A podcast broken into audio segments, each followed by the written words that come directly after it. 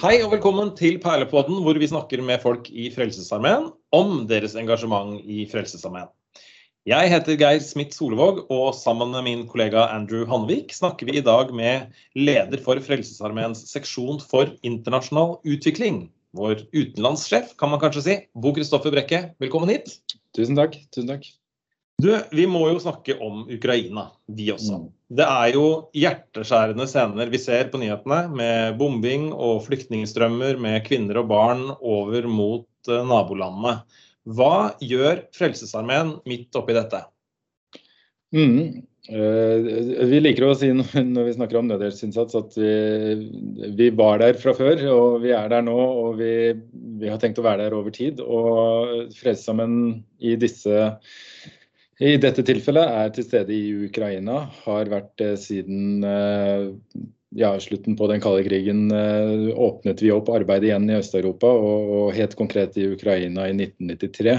Eh, så vi har en tilstedeværelse der i ni forskjellige lokasjoner. Og, og har rett og slett, når denne krisen har inntruffet, påbegynt en nødhjelpsinnsats eh, etter beste evne i alle de lokasjonene. Eh, så det, det er snakk om eh, helt grunnleggende ting som utdeling av mat og drikke og ja, medisiner og andre ting til de mange mange tusen, mange hundre tusen som er internt fordrevet i Ukraina akkurat nå. Man har jo hatt menigheter, altså korps og menigheter eh, i, i, disse lokasjonene, og også eksisterende sosiale tiltak ut ifra de korpsene. Så, så, man på en måte har bare prøvd å hive seg rundt med de ressursene man har, og se hva, hva kan vi gjøre nå i den helt akutte situasjonen som har uh, oppstått uh, i Ukraina. Så har vi også en tilstedeværelse i de fleste naboland.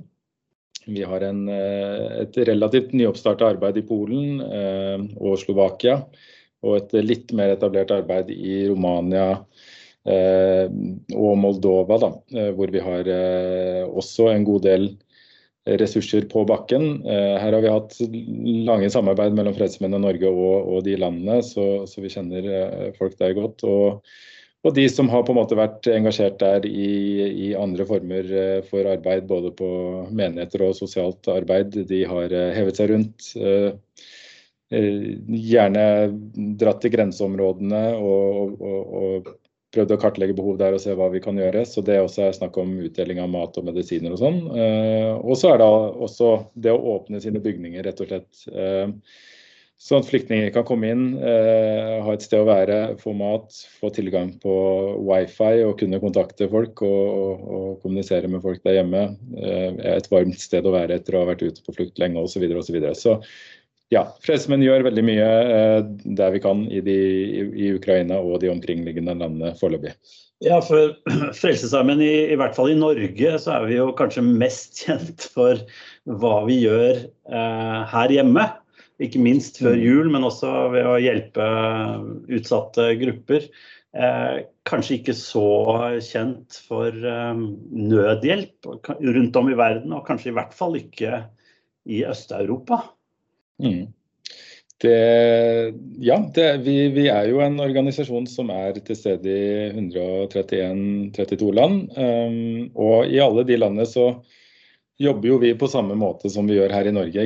Vi, vi, tilbyr det vi kaller suppe, såpe og frelse. Vi har menigheter, vi har sosialt arbeid. Vi, vi prøver å skape verdighet for de, eh, de folka som er utenfor, uh, og, og, dekke basale behov. Og um, det gjør vi også i alle de landene her. Og så ser det veldig ulikt ut fra, eh, fra kanskje arbeid i Norge ut ifra tilgjengelige ressurser og behov, men, men, grunntanken er det samme. Eh, og denne tilstedeværelsen gjør jo da at vi er i stand til å respondere veldig raskt når det er sånne kriser nesten hvor som helst i verden. Da, eh, da har vi et lokalt apparat som, som er etablert og som er en forankra del av lokalsamfunnet der hvor de er, og som, som, fanger opp behovene og kan gjøre noe med det. Da. Så når det gjelder nødhjelp, så, så, har vi også et internasjonalt hovedkontor i London som koordinerer denne innsatsen. Eh, og har et eget team som har reist ned eh, til i første omgang Polen nå for å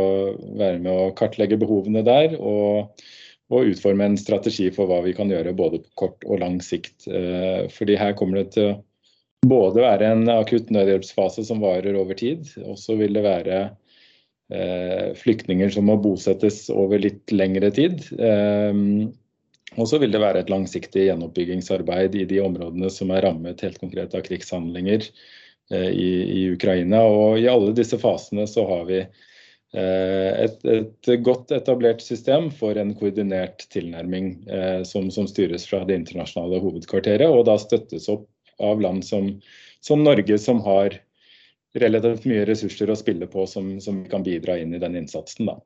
Ja, fordi du er leder for da Frelsesarmeen i Norge, Island og Færøyene sin da nyopprettede task force for uh, Ukraina. Uh, hva er det som er deres oppgaver da oppi dette? Ja, Det er jo viktig for, um, for, oss også internt i organisasjonen i vårt territorium, som det heter, Frelsesarmeen Norge, Island og Færøyene, å være koordinerte på Eh, både kontakten ut mot eh, de fredsmenn i de andre landene hvor, eh, hvor, det gjøres en konkret innsats nå, sånn at vi kan fremskaffe oppdatert informasjon om hva som er behovene, og, og, og, matche det med hva vi har mulighet til å bidra med. Vi har også en innsamling på gang til, som vil gå konkret til å støtte de mange hjelpetiltakene som allerede er i gang, og, og planlegges i tiden fremover gjennom det internasjonale hovedkvarteret.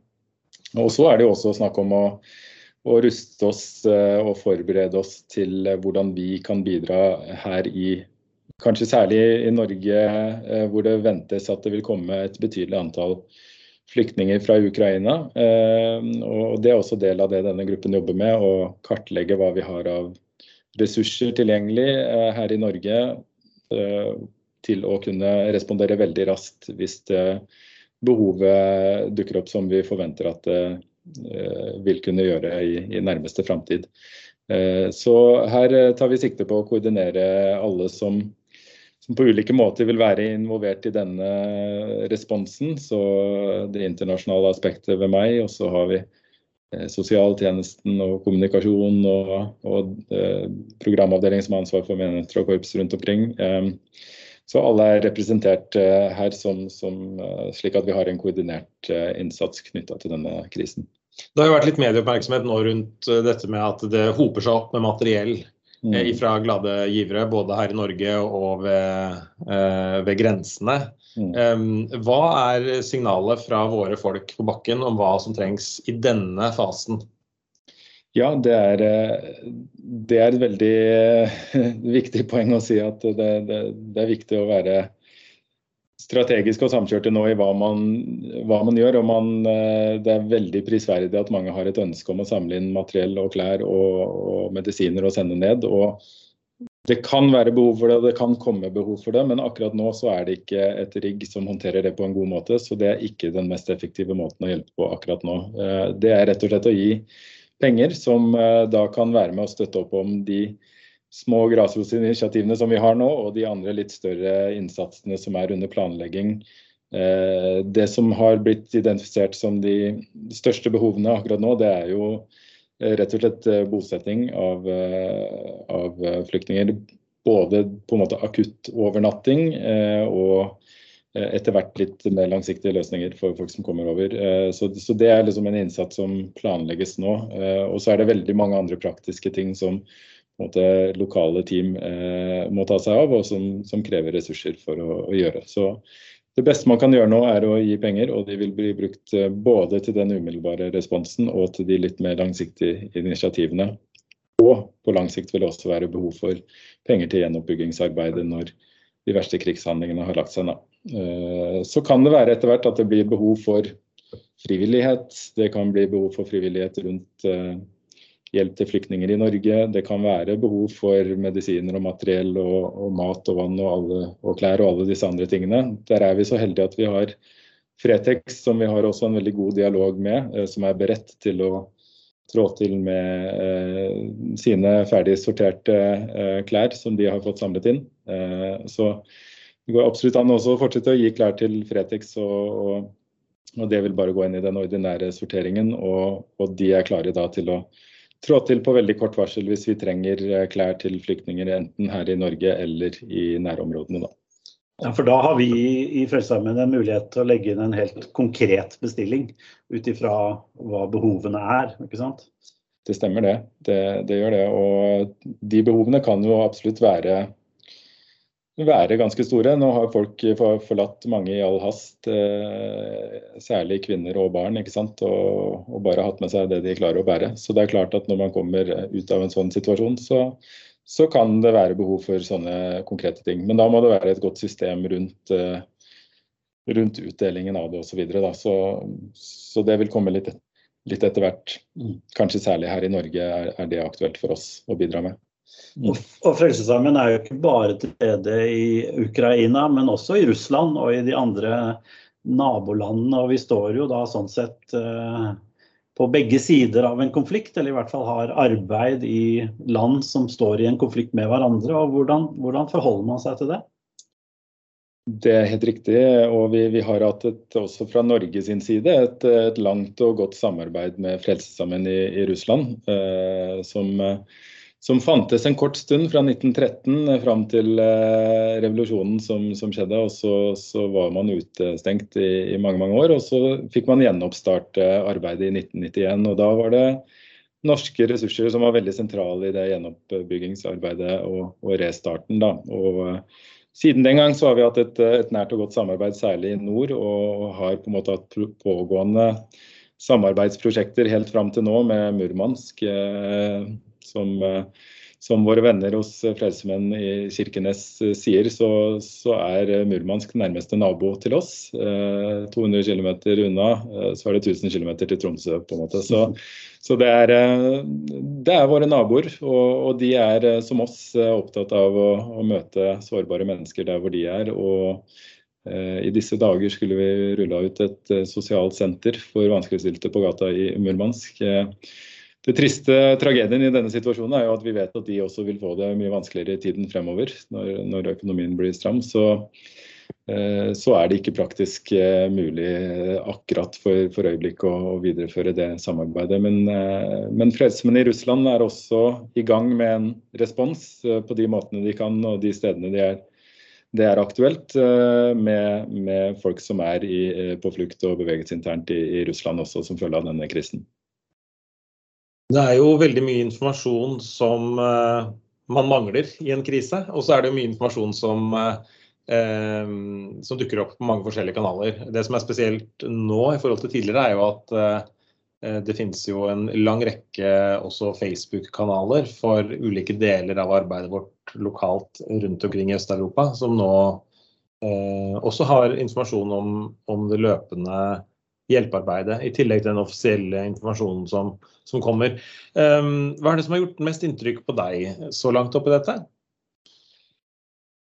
Ja, det er mange, det er mange ting eh, som, som, gjør inntrykk. og det er jo som du sier, eh, i, i, nettverket så deler jo folk eh, eh nære glimt av, av, hva som skjer rundt omkring. Eh, det, det, er jo noen av de suksesshistoriene som på en måte viser hva vi kan gjøre. Det var en, en melding om en en mor på flukt med to barn og gjennom Frelsesmenns nettverk hele veien fra Ukraina via Moldova og eh, Romania og så til slutt til Budapest, eh, så hadde hun fått hjelp hele veien dit og var nå i trygghet og, og, og fått kontakt med slektninger som hun skulle videre til. Det er sånne måter vi kan gjøre en forskjell på. Um, men jeg tror det som gjør mest inntrykk, er på en måte historiene som kommer ut av, av Ukraina, hvor, uh, hvor, de, hvor, de, forteller at uh, ja, offiserene som er i, i, Kiev og Kharkiv, byer som nå er beleiret, og sier at de hører bomber eh, til alle kanter og er veldig usikre på hva som skjer. Og, og, og, og likevel prøver eh, å gjøre det de kan. Så, eh, så bilder av at de, alle soldatene eller medlemmene i korpset da har bakt piroger sånn at de skal ha mat å dele ut til, til nødlidende. og Eh, også fortellinger om at eh, ja, de har hatt sin gudstjeneste på søndag, men det måtte skje i bomberommet. ikke sant? Eh, så, sånne type fortellinger som viser at eh, ja, det, det er en, eh, en tjenestevillighet og en, eh, en, iver til å fortsette oppdraget og fortsette å, å, gjøre det de kan på tross av ja, personlig fare og, og, også veldig mye usikkerhet da, rundt, rundt hva som skal skje. Så det er inspirerende å se hva, hva, hva, måte, hva som bor i, i, ja, i de menneskene der. For her soves det jo i uh, bunkerser og jobbes i dagslys når flyalarmen ikke går. Det gjør det, og det, det, er, det er, mange ting å tenke på. F.eks. Så, så har alle fått beskjed om at eh, de, de, skal være veldig forsiktige med å ta bilder for eksempel, når de er ute og, og går. Eh, fordi det, det, kan tolkes som at man er en sabotør fra Russland som er ute og dokumenterer f.eks.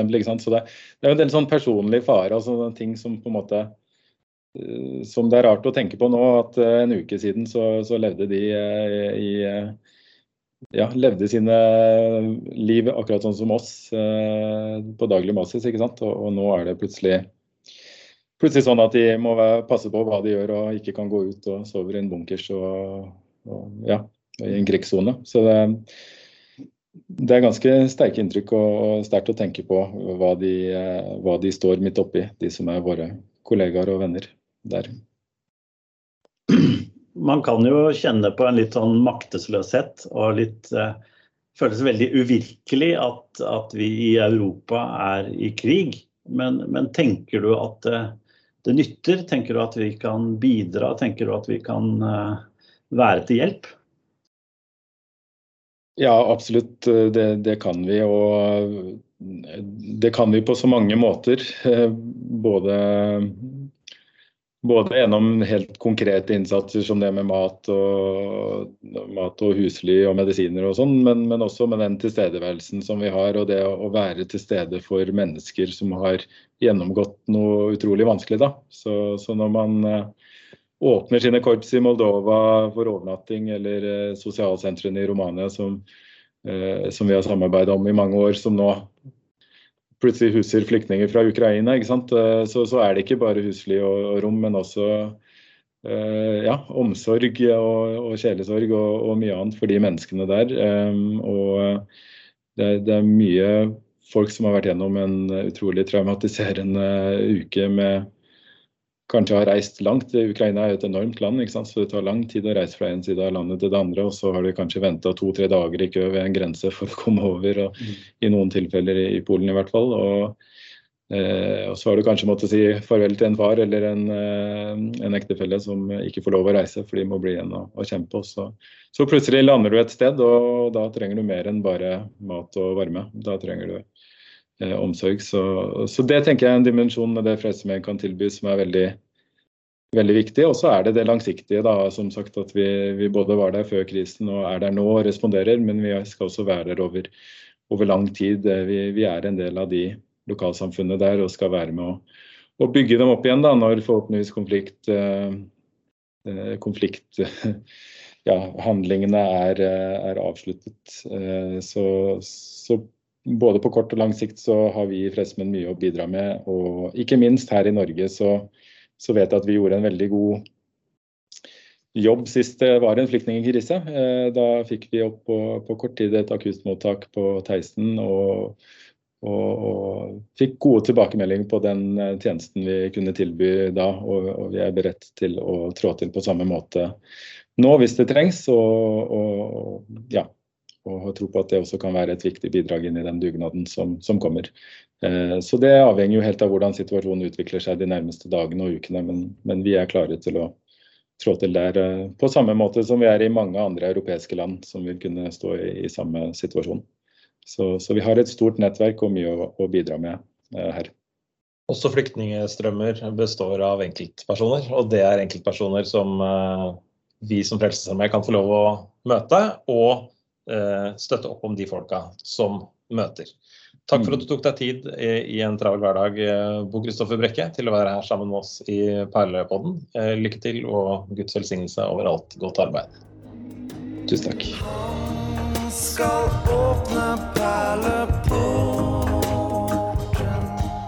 Perlepodden er produsert av Frelsesarmeens kommunikasjonsavdeling. I studio Andrew Hannevik og Geir Smith Solvåg. Teknikk Hanne Rebekka Nilsen. Musikk Perleporten med Vidar Busk, utgitt av plateselskapet EMI.